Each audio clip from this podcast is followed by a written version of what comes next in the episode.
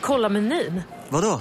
Kan det stämma? 12 köttbullar med mos för 32 spänn. Mm. Otroligt! Då får det bli efterrätt också. Lätt! Onsdagar är happy days på IKEA. Fram till 31 maj äter du som är eller blir IKEA Family-medlem alla varmrätter till halva priset. Vi ses i restaurangen på IKEA. Hej, Susanne Axel här. När du gör som jag och listar dig på en av Krys vårdcentraler får du en fast läkarkontakt som kan din sjukdomshistoria. Du får träffa erfarna specialister, tillgång till lättakuten och så kan du chatta med vårdpersonalen. Så gör ditt viktigaste val idag, listar dig hos Kry. Ja? Hallå? Pizzeria Grandiosa? Ä Jag vill ha en Grandiosa capriciosa och en pepperoni. något mer? Mm, kaffefilter. Ja, Okej, okay. ses samma. Grandiosa, hela Sveriges hempizza. Den med mycket på.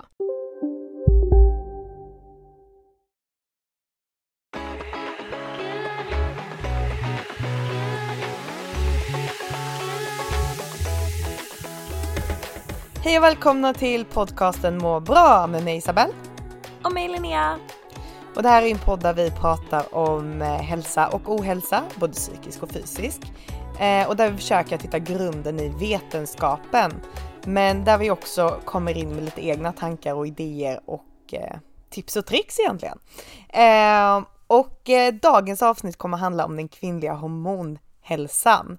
Eh, det är ett eh, ämne som börjar bli hetare och hetare och som jag i alla fall tycker är superspännande och som du också tycker är spännande Linnea, tror jag. Ja, jag. extremt spännande. Ja. Mm.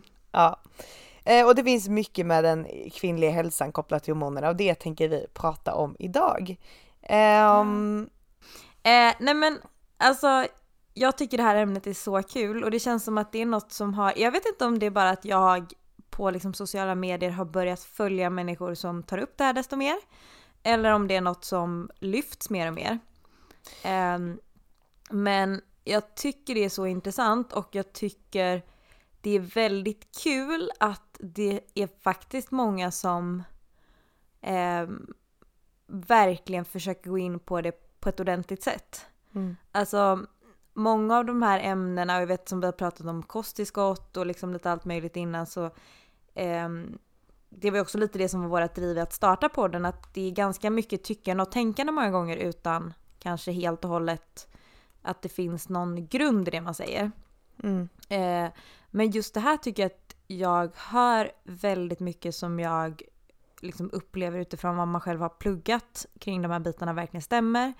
Eh, och eh, det finns två tjejer som driver, alltså, vad ska man säga, det är väl ett företag eller konto? Eh, Women Sync. Eh, men det, som... Jag lyssnar på deras podd faktiskt va? Om det, har du gjort det? Ja. ja.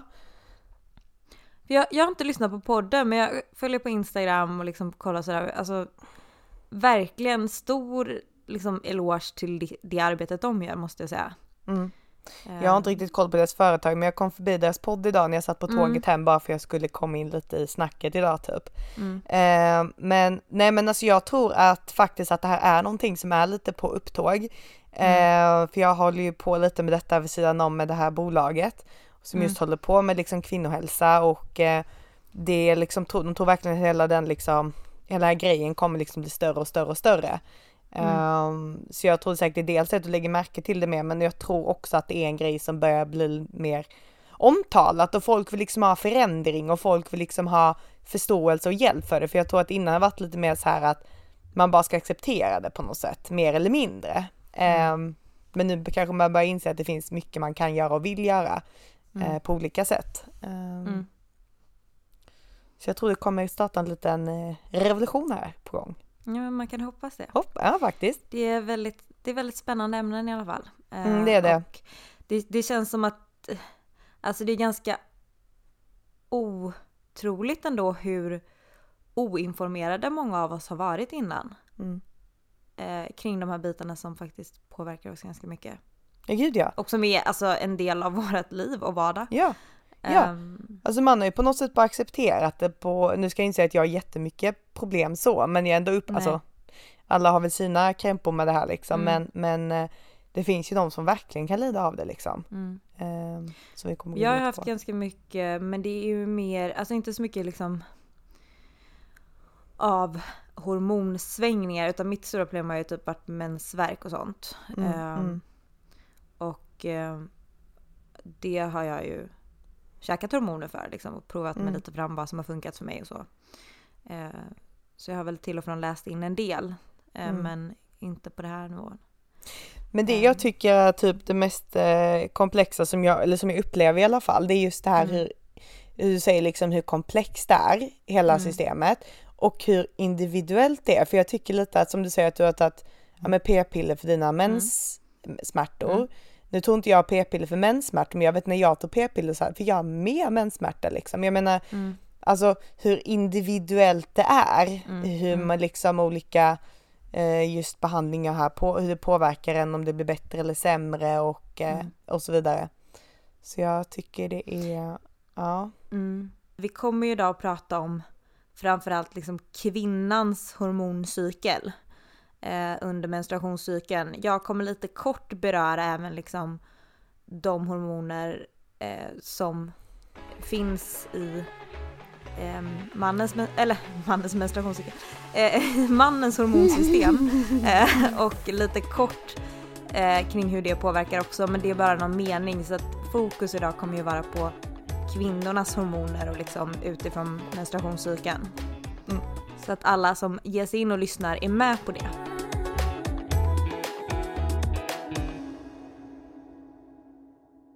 Eh, men hormoner som man alltid hör och som vi kommer prata om då, vad är det egentligen för någonting? Eh, man kan säga så att i kroppen så har man olika körtlar som producerar molekyler helt enkelt. Som skickas ut i kroppen och gör att någonting händer. Eh, I detta fallet pratar vi fram då om endokrina körtlar. Eh, och endokrina menar egentligen då att det är eh, någonting i kroppen som svarar på någonting, alltså någonting i kroppen säger till dina, dina endokrina körtlar att nu ska ni producera det här och skicka ut det i kroppen.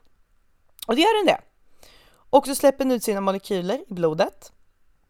Och så kommer det cirkulera i blodet och så kommer det hitta målet det ska till. Exempelvis som vi kommer ha då, typ äggstockarna som vi pratade om då. I äggstockarna så kommer den här känna av, okej nu blir jag tillsagd att göra det här. Och då kommer den göra någonting. Så det är liksom körtlar skickar ut molekyler som leder till att en reaktion händer i kroppen. Som kan på, alltså hormoner då som kan påverka både psyket men även det fysiska. Så det är liksom om man ska bara hänga med på den biten. Eh, sen Ja. är ju hela detta systemet extremt komplext. Och vi Ja. kommer inte gå in på alla men, men bara för att få liksom det tydlig, tydliggjort. Och eh, vi har ju li- liksom olika axlar kan man väl säga i kroppen. Eh, det är ju ofta liksom en kedjeeffekt att ett hormon utsöndras och så eh, får det ett annat hormon att utsöndras eller produceras eller minska. Eh, och när det där andra eller kanske i vissa fall tredje hormonet ökar så brukar det ha en negativ, på det förs- eh, negativ effekt på det första så att det minskar. Och det här sker liksom cykelvis. Ehm, det vi tänkte gå in på idag är som sagt menstruationscykeln framför allt. Och eh, då har vi ju eh, flera hormoner som verkar där. Eh, I just när det gäller liksom menstruationscykeln så börjar det hela upp i hypotalamus som utsöndrar eh, GnRH. Och det påverkar ehm, produktion och frisättning av två hormoner som heter FSH och LH eh, som kommer ifrån hypofysen. Både hypotalamus och hypofysen sitter uppe i huvudet i våran hjärna. Eh, och de i sin tur påverkar våra ovarier, alltså äggstockar. Eh, och där liksom sker den största delen av hormonproduktion. Och det är de hormonerna som kommer därifrån som vi framförallt kommer att gå in på idag. För det är framförallt de som har ganska stor påverkan på oss. Och då pratar vi om östrogen, progesteron och testosteron.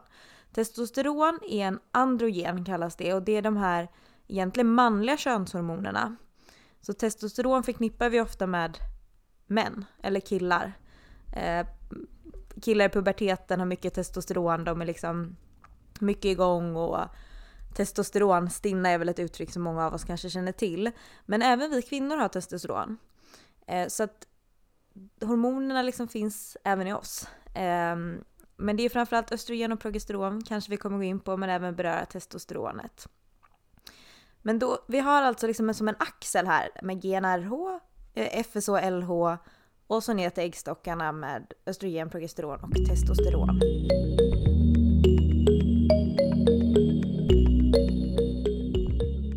Nej men jag tänkte bara innan vi då går in på alla Eh, nej men innan vi går in på själva menstruationscykeln och vad de här hormonerna gör för oss tänkte jag ganska kort bara beröra vad det är för hormoner vi kommer att ta upp. Eh, och de första som vi pratar ganska kort om är ju LH och FSH. Eh, där LH eh, och FSH som jag nämnde i början kommer ifrån hypofysen upp i hjärnan. Eh, och FSH som är follikelstimulerande hormon reglerar liksom utvecklingen och tillväxt eh, hos oss och reglerar puberteten och det eh, påverkar liksom våra reproduktionssystem. Eh, hos män så påverkas spermiebildningen och hos kvinnor så påverkar det liksom utvecklingen av de här äggblåsorna eh, och vilka som liksom får släppa vid ägglossning och det drar igång menstruationscykeln. Och sen då när menstruationscykeln är igång så kommer östrogen, som jag kommer nämna snart, eh, att se till att FSH minskar så att vi liksom minskar ner det där svaret så att vi får den här cykeln som vi har varje månad. Eh, och LH, eh, det andra hormonet, påverkar cellerna att bilda androgener, det vill säga de här manliga könshormonerna, till exempel testosteron, men även progesteron, eh, som också är ett viktigt hormon i den här cykeln. Och östrogen, som kanske är det vi framförallt tänker på när vi pratar kvinnliga könshormoner, eh, produceras framförallt i äggstockarna men även i fett och binjurar. Mm. Eh, och dess påverkan är bland annat då att det ökar storlek på våra inre och yttre könsorgan, alltså tillväxt under puberteten. Eh, det påverkar liksom cellerna i våran eh, vagina, det påverkar bröstutveckling, det stimulerar benväxt. Så som vi nämner sen så har det ju efter det går in i klimakteriet så påverkas eh, skelettet av det just för att östrogennivåerna är lägre. Eh, och sen så kommer jag gå in då en massa senare på hur det också påverkar upp i hjärnan. Eh, progesteron, det andra liksom kanske viktiga kvinnliga könshormonet som vi pratar mycket om, eh, kommer från vad som kallas för gulekroppen. Gulekroppen är en rest av den här äggblåsan efter att vi har haft ägglossning. Ehm, och eh, progesteronet påverkar slemhinnan i livmodern, alltså endometriet. Ehm, den liksom möjliggör att eh, äggen, de befruktade äggen sen kan fästa i slemhinnan och faktiskt växa till så att det växer en bebis där inne. Om det är det vi vill. Ehm, och den påverkar också, då i olika delar av vår cykel så påverkar den våra livmoder livmodertapp, alltså sekretet där, vilket då förhindrar eller liksom påverkar hur lätt eller svårt det är för spermier att komma in. Um, det ger också bröstsvullnad, det höjer vår kroppstemperatur um, och så vidare. Och sen har vi då testosteron som är då en androgen eh, som egentligen är kanske det vi kallar för det manliga könshormonet eh, som kommer från de här äggblåsorna och är högt då i samband med ägglossning. Och testosteron har liksom en stor effekt på att driva på våran eh, sexuallust och även påverka insulin, alltså det här hormonet som eh, möjliggör att våra celler kan ta upp socker från blodet.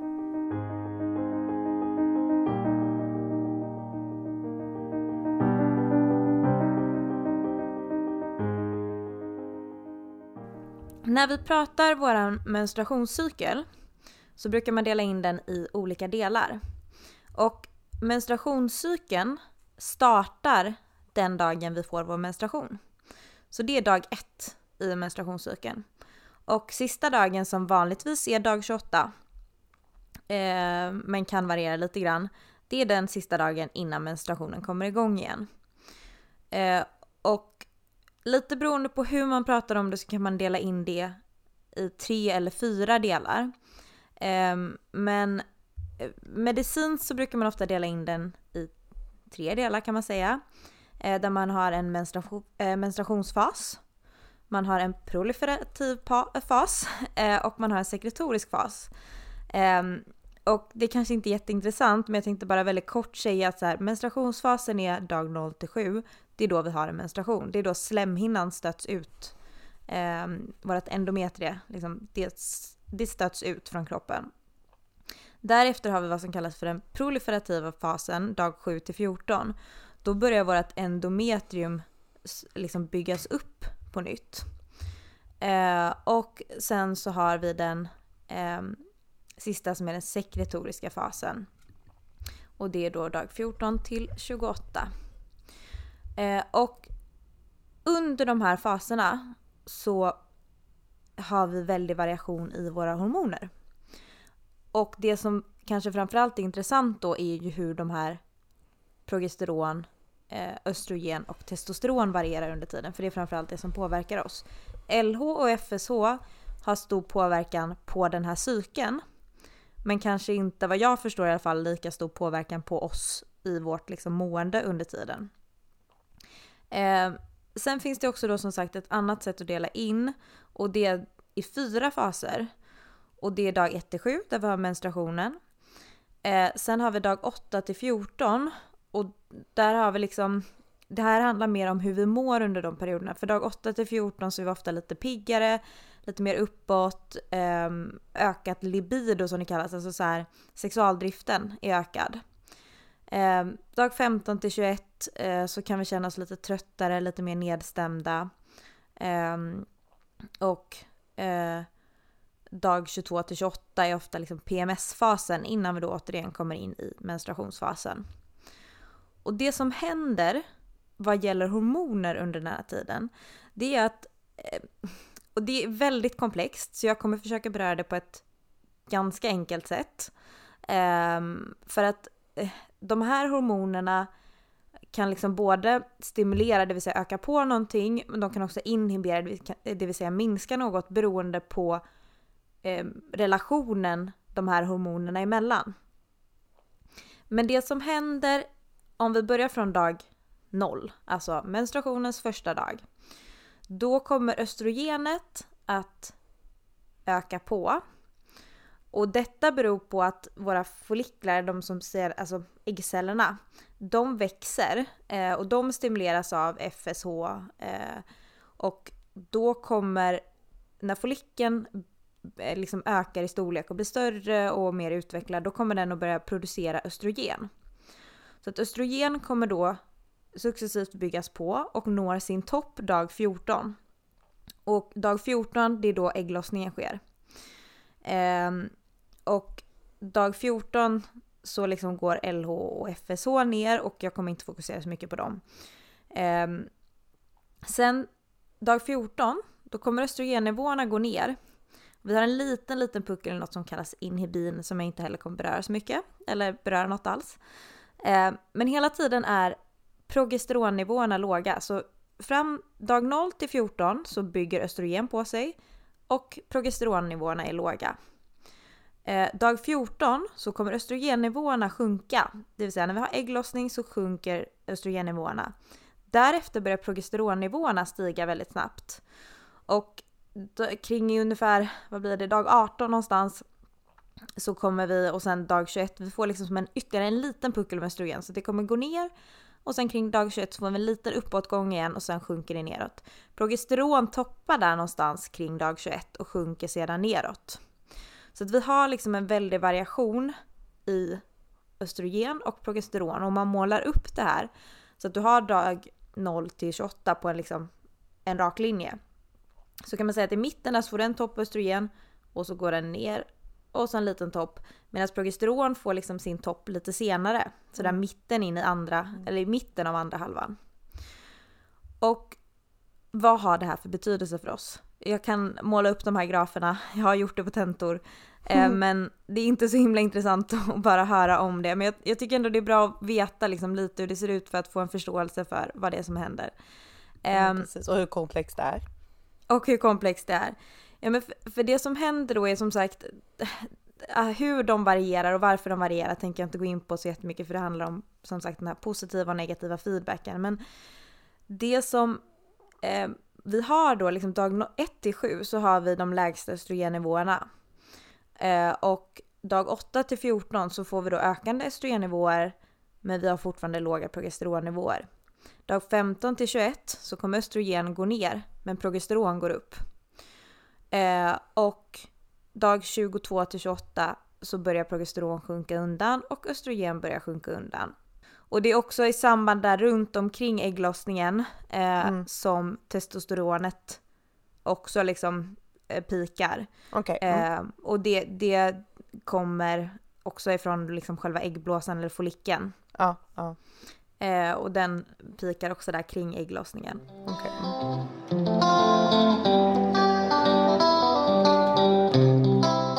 Men då hoppar jag, då hoppar jag tillbaka. Mm, gör det. Till hormonerna.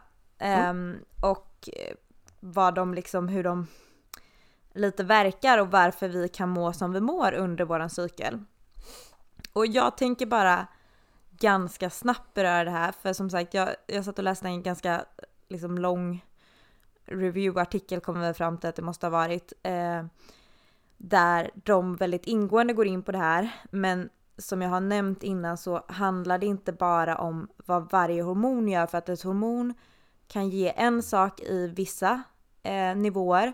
Men om det är mycket högre så kan det plötsligt få motsatt effekt. Och liksom eh, korrelation, eller om eh, beroende på hur mängden av de olika hormonerna ser ut sinsemellan så kan det också ha olika effekt. Men jag tänkte bara liksom nämna lite saker kring hur de här hormonerna påverkar oss så att man mm. får ett hum om varför vi mår som vi mår och hur komplext det hela är.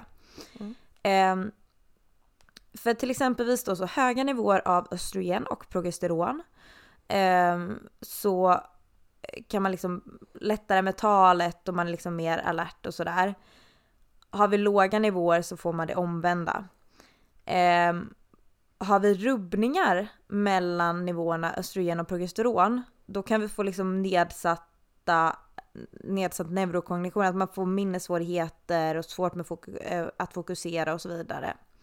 Eh, vi har nämnt tidigare de här liksom må, lite mer må bra-hormoner med serotonin och eh, även Eh, ska vi se, hade vi inte något mer där? Nej, det är framför allt kanske serotoninet. Dopamin tror jag var med lite också.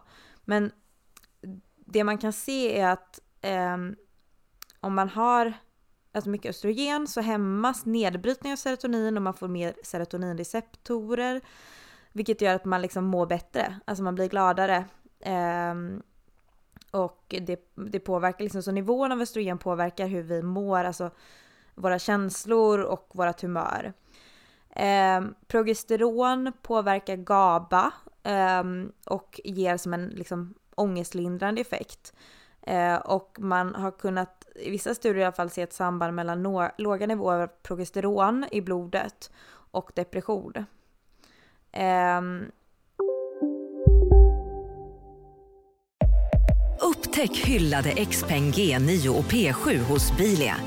Våra produktspecialister hjälper dig att hitta rätt modell för just dig.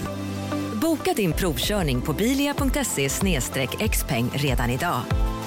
Välkommen till Bilia, din specialist på X-peng.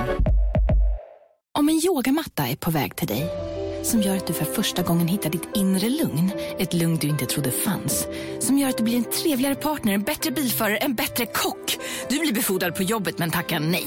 För att du inte längre drivs av prestation utan vill göra saker som känns meningsfulla i livet. Och, ja, eller ja, då finns det flera smarta sätt att beställa hem din yogamatta på. Som till våra paketboxar placerade på en plats nära dig och tillgängliga dygnet runt. Hälsningar Postnord. Välkommen till Unionen. Hej! Eh, jo, jag ska ha lönesamtal och undrar om potten. Ja, om jag kan räkna med övertidsersättning för det är så stressigt på kontoret jag jobbar hemma på kvällarna så kan jag då be om större skärm från chefen för annars kanske jag säger upp mig själv. Och hur lång uppsägningstid har jag då? Okej, eh, vi börjar med lön. Jobbigt på jobbet. Som medlem i Unionen kan du alltid prata med våra rådgivare. Men sen som sagt, alltså, nu har jag bara nämnt en massa olika saker för jag tycker det är så intressant hur de här hormonerna påverkar vår hjärna och våra liksom möjligheter till inlärning, vårt minne, eh, vårt humör, eh, våra liksom förmågor att känna hur kroppen är i förhållande till ett rum och hur, kropp, alltså hur vi kan kommunicera. Och det handlar så mycket om nivåerna sinsemellan på de här hormonerna och de här nivåerna påverkas ju jättemycket av våra menstruationscykel. Så det är ju inte konstigt när man liksom går in och grottar ner sig på hur allt det här, hur de här hormonerna påverkar vår hjärna så det är ju inte konstigt att vårat humör, våran möjlighet att lära sig saker och även liksom våran fysiska förmåga påverkas av menstruationscykeln.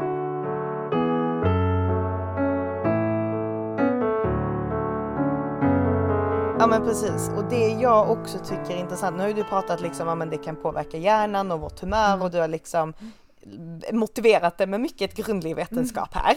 Eh, men det jag också tycker är intressant det är liksom att det har egentligen inte bara, alltså det, det är så många olika grejer i kroppen det påverkar förutom då liksom mensen som mm. vi har pratat om. Mm. Alltså det framkallar ju, eh, eller framkallar, det gör ju att vi går in i en pubertet bland annat. Mm. Eh, men det påverkar även massa andra eh, mm. grejer, alltså ställen i kroppen, exempelvis mm.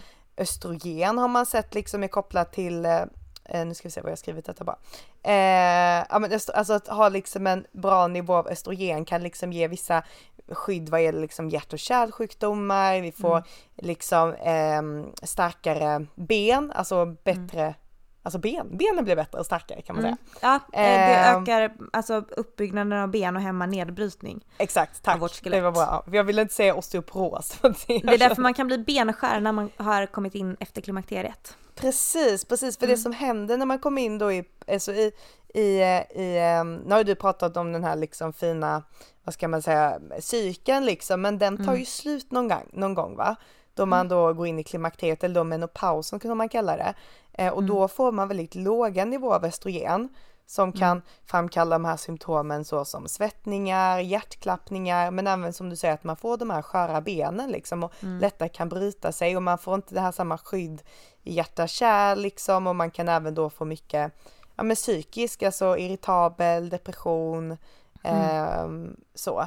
Eh, så att det är liksom, det är intressant att se att det har liksom inte bara ihopkopplingar med just puberteten och mensen och det, det kvinnliga på det sättet utan det är många olika andra grejer i kroppen som faktiskt mm. händer både psykiskt och fysiskt och det är det jag tycker är så intressant med mm. eh, hormoner faktiskt. Mm.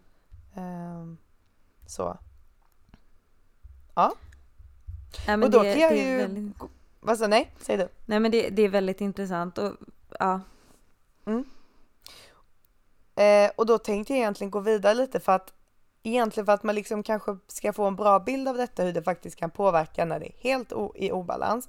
Då finns det en diagnos som heter PCOS, polycystiskt ovariesyndrom. Och jag vet att det här låter jättekomplicerat. Men det är att man får cystor på äggstockarna egentligen och då mm. hormonrubbningar, eller man får hormonrubbningar som leder till cystor kan man säga. Mm. Var hönan var ägget lite så. Men du får cystor och du har hormonrubbningar. Eh, och det jag tycker är rätt sjukt egentligen, det är att, eller sjukt, men lite så uppseendeväckande, det är faktiskt att det är en av de vanligaste orsakerna till att man har en mensrubbning. Mm. Och man har sett lite, lite olika siffror, men ungefär mellan 5 till 10 procent av alla kvinnor har detta. Och det mm. tycker jag är ganska höga nivåer. Eh, mm. Eller det är ändå liksom förekommande. Mm. Eh, och det som händer egentligen, det är utan för att gå in i för mycket detalj egentligen, så är det att hela den här cykeln som Linnea berättade, det är ett fel i den som gör att de här äggcellerna, eh, eller då eh, follikel då som det heter på ett annat sätt, när de mognar i äggstocken, att de inte, de stannar kvar i äggstocken. De skickas liksom inte ut. Eh, ägget kommer inte ut i livmodern där det då kan komma en spermie och bli en liten bebis. Eh, som stannar där. Och när de ligger där och växer så blir de som cystor, alltså som vad ska man säga, bullar? Eller vad ska, hur skulle du förklara en cysta Linnea? Vätskefylld en, en blåsa, bulle? en vätskefylld blåsa. blåsa. Det var bra, det var bättre. Um, det är så jag beskriver det för patienterna när de har cystor. Ja men det, det var väldigt bra. Vätskefylld blåsa. blåsa. Vätskefylld Den är helt ofarlig. Ja. Bullar brukar inte vara vätskefyllda, men visst. ja, de, de, är of, de är ofarliga så, men, mm. men det som händer då det är ju att, äh, att, äh, att man kan få olika symptom av detta. Bland annat så får man inte ut ett ägg så du får ingen mens och du får ju svår, kan ju få svårt att bli gravid. Eh, men du kan även få eh, bland annat väldigt hög, höga nivåer av de här eh, manliga hormonerna, eller mer manliga hormonerna som kallas androgener då, bland annat testosteron. Och med detta kan du få olika symptom såsom eh, något som kallas för hirotism som då är att du får liksom ökad behåring, nästan lite manlig behåring. Eh, du kan även få akne. Du kan även få håravfall. Eh, och det man har sett och varför man får detta, det kan både vara kopplat till genetiken, men även att man ser det hos flera av dem som har fetma eller då är överviktiga. Mm. Eh, och det som är ytterligare intressant med detta Linnea, eller som jag tycker mm. är liksom så här, mm. åt liksom, hur, alltså hur allt hänger ihop, det är att eh, nu ska vi se så jag säger det här rätt, just det, den mm. hormonella imbalans, alltså att du har en sån obalans i hormonerna leder till att du kan få en ökad insulinresistens kallas det. det Vad innebär säga, en insulinresistens? precis, det vill säga att eh, din kropp producerar ju ett ämne som kallas insulin. Insulin görs att dina celler i kroppen tar upp socker i blodet. Mm. Men om det blir resistens så betyder det då liksom att du behöver, de blir inte lika känsliga för insulinet så du kommer behöva producera mer insulin för att ta upp samma mängd socker. Eh, och då får du ännu mer insulin. Och det som är då med insulin, det är att insulin även gör att du eh, producerar mer hormoner på ett obalanserat sätt. Så det som händer egentligen är att du börjar producera mer insulin. Insulinet gör att det blir ännu mer obalans och så blir det en sån här ond cirkel kan man säga. Och det som händer då när du har en insulinresistens eh, och producerar mer och mer insulin är att du har risk att utveckla något som kallas för metabolt syndrom, alltså diabetes, övervikt och så vidare. Och så vidare. Det är inget bra kan man säga, det medför hälsoeffekter kan man väl sammanfatta det som. Mm. Um, så det är liksom det innebär, metabola syndromet innebär ju stora risker för liksom hjärt-kärlsjukdom, stroke ja. och så vidare. Exakt, exakt. Um. Uh, insulin är väl också ett hormon om jag inte jag missminner mig? Mm, det är det. Mm, Uh, och uh, se om det var något mer, just det. En grej som är lite rolig då också, liksom om man ska se alla de här liksom sammankopplingarna, det är då att testosteronet då som man har ganska mycket av i mm. PCOS, det är ju något som kallas för, det eh, något som hjälper dig att bygga upp bland annat muskler. Mm. Så att, ja, har du PCOS så kanske kan du ha en ökad fysisk prestationsförmåga och bygger lättare muskler. Mm. jag tycker det, lite, det är intressant hur allt bygger, liksom bara hänger ja, ihop, jag vet inte. Mm. Så det var PCOS och liksom det här är ju ändå liksom en sjukdom som man då antagligen förhoppningsvis blir, alltså en diagnos som man faktiskt kan bli diagnostiserad för när man går in och söker vård och så vidare. Mm. Men det jag menar lite med denna det är att det finns ju många mellanting. Alltså mm. att man kan ha en hormon hormonell imbalans som kanske inte är en PCOS och det mm. finns många olika saker som kan göra att du har det. Um, men detta var ett exempel. Du kan ju också ha PCOS utan att ha så mycket symptom. Liksom. Ja, ja, gud ja. Jag kan tro, jag, jag bara misstänker att det är många som har PCOS utan att egentligen veta om det typ. Jag skulle också tro det. Um,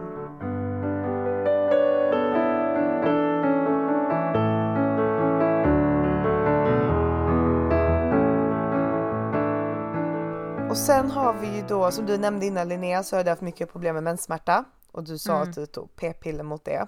Eh, mm. Tyckte du det blev bättre på p-piller? Ja det blev jättemycket bättre. Jag provade en mm. period, alltså jag hade några månader, var det ens? Ja men någon gång tidigare 20-årsåldern som jag provade någon månad eller två utan. Det funkade inte. Mm. Eh, det, nu, nu kör jag på spiral. Eh, vilket funkar jättebra för mig för att det är liksom lokal behandling och man påverkas inte så mycket liksom i övrigt med det. Men, men precis som du sa så är det ju olika hur, hur man fungerar på det och jag misstänker att jag kanske har endometrios, min mamma har det. Mm. Eh, nu outar jag henne i podden här, vet aldrig det. Men eh, och eh, då har ju hormon, alltså kombinationsbehandling eh, i p-piller alternativt Mirena hormonspiral väldigt liksom, god evidens för att det fungerar bra. Mm. Okej. Okay. Ehm. Och så är det ju att det är väldigt många som faktiskt har, eller de flesta, många har ju väldigt någon, alltså någon form av menssmärta. Sen finns ju de som verkligen har extremen som blir helt sängliggandes men det var Mm. kanske så det var för dig att du verkligen då Ja, alltså jag var hemma från skolan, jag kunde ligga på Ja. toagolvet och ligga och spy och eh, när jag väl fick smärtlindring av eh, Ipren plus Alvedon så kunde jag sova på golvet en liten stund och sen så låg jag och typ grät på golvet. Nej stackarn. Ehm, Åh. mm. Jag lider så mycket med, jag har haft det någon gång men det har verkligen varit typ en gång ett par timmar Mm. och sen har det inte varit så farligt. Usch. Men Mm. du nämnde ju också endometrios och det Mm. tänkte jag också förklara lite snabbt vad det är för någonting. Mm. För när man pratar om menssmärta så kan man, menssmärta är ju då att du får, alltså du får som kramper runt i livmodern, liksom du får ont i Mm. samband med mens. Eh, och det kan man tänka antingen att det är en primär eller en sekundär. En primär är egentligen bara att du har det. det är inget, du hittar ingen, ingen sjukdom, alltså ingen sjukdomsanledning mer än att du har väldigt ont när du har mens. Eh, och varför man har det är egentligen att man har sett att man kan säga på grund av att den, du, har, du får lite som en lokal inflammation som skapar vissa ämnen och de här ämnena gör då att du börjar krampa. Och du, vissa får liksom en, då, mer av de här ämnena eh, kopplat till inflammationen. Men den sekundära då, då är det faktiskt att man kan hitta något sjukligt som då kan leda till den här menssmärtan och då har vi bland annat exempelvis då endometrios som du pratar om. Mm. Och endometrios kollar jag väldigt snabbt och jag har inte läst gynkursen än men, det, och, men som jag har förstått så är det egentligen att det växer typ vad ska man säga, endometriet då liksom, det som ska finnas inuti livmodern växer utanför livmodern. Ja, livmoderslemhinnan precis, växer utanför livmodern. Mm. Eh, och det kan då leda till att du får alltså mycket mer smärta då när du har mens. Men även då exempelvis som eh, infertilitet. Eh, Mm. Och som jag förstod det så var det att, behöver vi inte ha med, men behandlingen är väl då typ NSAIDs, hormonell Mm. terapi eller operation som jag förstod det. Jag förstått Ja, att alltså- man tar bort den, eh, alltså slemhinnevävnaden utanför eh, Precis, alltså det, det man tror vad gäller endometrios eh, kan jag bara gå in lite kort på också. Ja. Det, det man tror händer och som liksom är uppkomsten till endometrios är att när du får din menstruation eller när du får ägglossningen och Mm, mm. menstruation så är det liksom du får en det kommer ut i utanför ehm, livmodern Okej. och börjar liksom växa till slemhinna där. Ja. Och när du då får din menstruation så kommer ju endometriet, alltså livmoderslemhinnan, stötas ut ur kroppen. Och finns den här slemhinnan då utanför livmodern så kommer ju inte den kunna åka ut.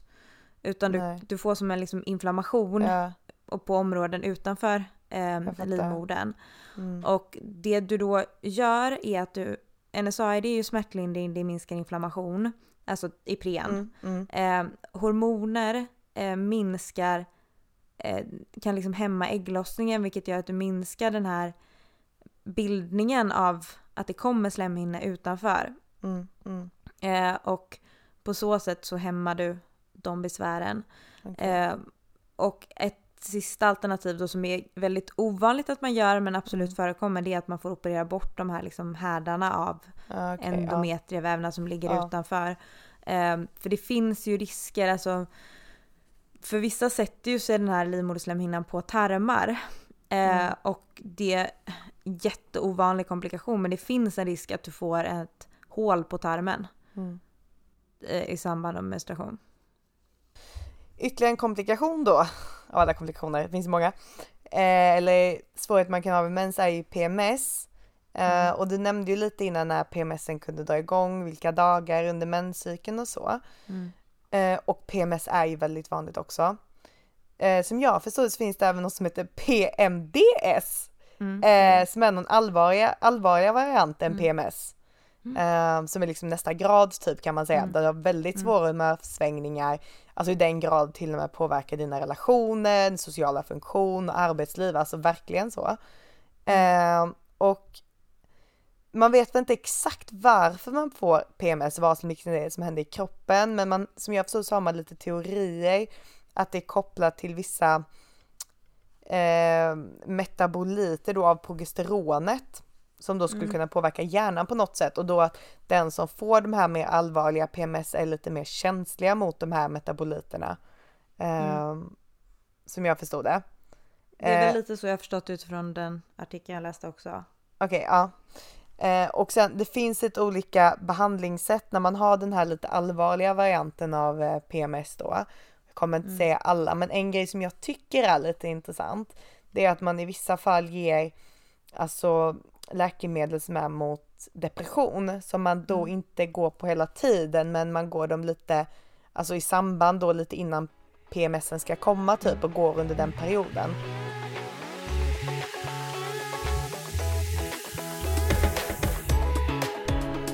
Eh, tack så jättemycket för att du har lyssnat på oss och att du följer med oss här i podden.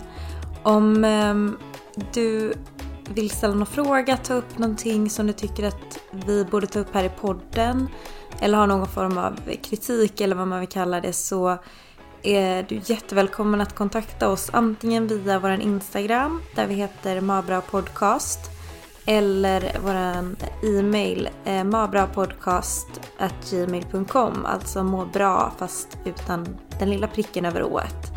Eh, och följ oss gärna eh, på Instagram också för att se uppdateringar dels om nya avsnitt och eh, följa med lite på ja, där vi delar lite tips och tricks kring hur vi själva hanterar stress och eh, ångest i vardagen. Ehm, ta hand om dig nu och eh, må bra tills nästa gång. Puss och kram!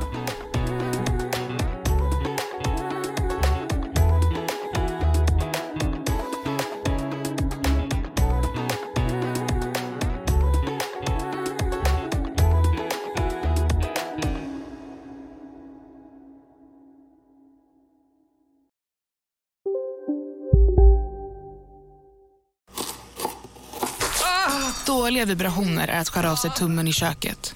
Ja! Bra vibrationer är att du har en tumme till och kan scrolla vidare.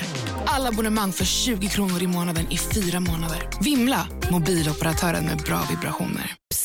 Känner du igen en riktigt smart deal när du hör den? Träolja från 90 kronor burken. Byggmax. Var smart. Handla billigt. Ni är med om det största. Och det största är den minsta. Ni minns de första ögonblicken. Och den där blicken gör er starkare. Så starka att ni är ömtåliga. Men hittar trygghet i Sveriges populäraste barnförsäkring. Trygg Hansa. Trygghet för livet.